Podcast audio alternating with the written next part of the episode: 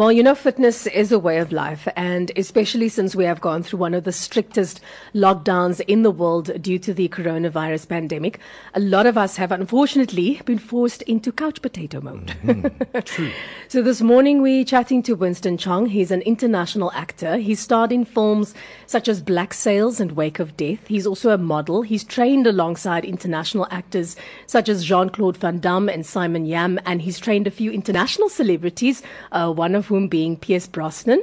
Ek is seker again for Pierce Brosnan. Mm-hmm. Now he's recently overcome his journey with cancer and he's still an avid personal trainer. He's qualified in Kung Fu and Muay Thai and he has had some life-changing moments that have steered his path to where he is now.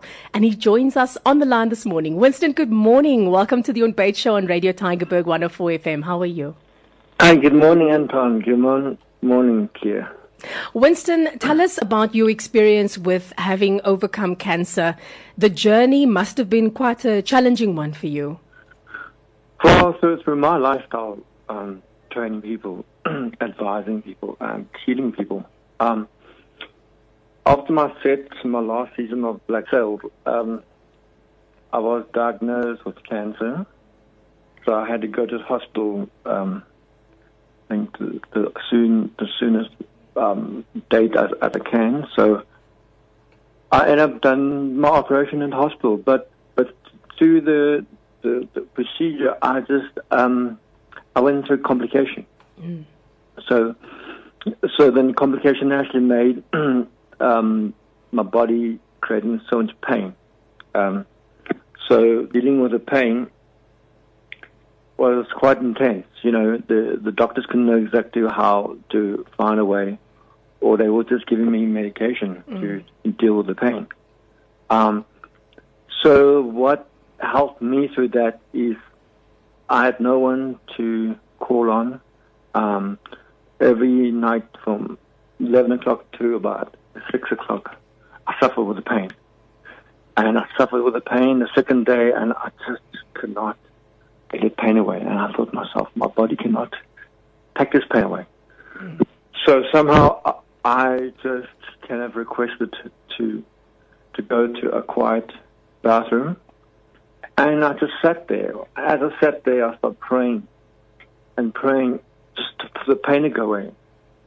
So I just prayed and I prayed, and for this time, for a month, I was praying, sitting down, praying, spending time with God, and the pain literally just healed itself away.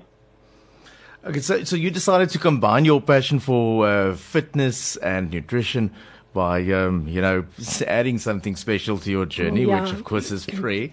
Uh, was it, um, yeah, what was, how, what was the experience like for you?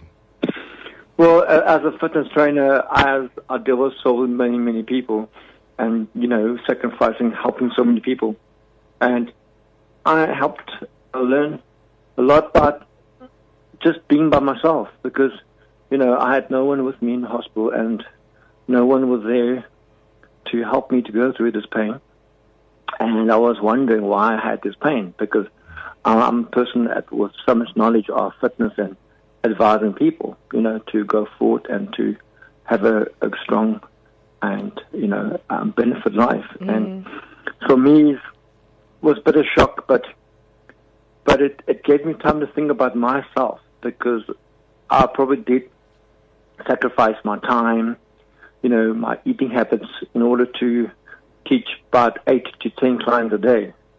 So I was giving up helping clients and I was giving up myself. So, so this helps me to actually connect myself to God. And it's very strangely that that the, the connection that to God is it, it's almost like deeper. You know, it's where when I start connecting, I felt the spiritual side of it because you know it's almost like you've surrendered to God. Um, so that was all my um, rely on is me, the hospital, and God, and that what healed me from what I did. So when I left, I thought myself, you know, for the knowledge I have, um, and also to prevent for me getting the cancer back. I know that sometimes, you know, when you have restart cancer in your body, it might come back. So I've done many researches. Also, with knowledge of nutrition, I just done more um, knowledge of Google different types of mm, clinical research on nutrition to help to cure cancerous mm. diseases. So, so mm-hmm. and so this and this connection to God is it's. I mean, I've been religiously to God when I was small with my grandmother, and even religiously, it's just a routine where you, you know, you pray in the morning and pray evening. But this is completely art experienced where um, you can hear God to your body. You know, you, you literally actually inspire yourself. And and the connection is so strong that it just made my body so sensitive that you know, I was sensitive to a lot of different things, negative things, you know. So, so that connection was unexplainable. Know, so I, I, I then, then I had to find out more about the understanding of what I've been through. Yeah. Winston, um, I think for, for us personally, um, I speak for myself here, but I'm sure my colleague um, Anton is feeling this as well, is that, you know, when you, you have knowledge and you, you know so many different things and you educate yourself with so many different things and you go through life and you have your experiences, but when you actually have your connection with God and you, you live your life um, you know, through His Word. The, just the, the power in that within yourself spiritually is just so amazing. And you're already speaking about that. Now, what I want to know from you is, do you have any advice? for so many of us who have actually become so, you know, like chilled in our fitness, very complacent, especially because of COVID 19 and, and the lockdown, because it, it, has been very difficult for all of us. Yeah, well, um, the thing is, um, there's a lot of people having ideas, different ideas, you know. Um, so the best thing is, is to kind of find how your body works, what your body needs. So I like to keep things simple. You know, it's easier. If you kind of do too many things, you become obsessed. Mm. Then it's going to be difficult to maintain. So you know, I love to maintain. So keep things very simple and just find out exactly what the body needs. I mean, the body needs nutrition every single day. You know, it's not just one day you need to forget. You know, you need to maintain the body. So if you work it out, just keep things simple because I know things, if you're trying to complicate them, might be too expensive. So whatever you can afford, um, you know, your protein intake, carbs intake, and, and fat intake.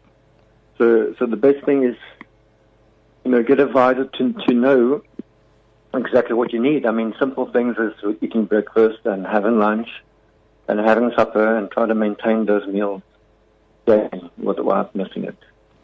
Fantastic, Winston. Uh, Winston, thank you so much for uh, chatting to us today, and uh, yeah, all of the best. And we'd love to talk to you again in future. Okay, sure. Thank, thank you. Thank Bye. you. Bye-bye. Yeah, bye.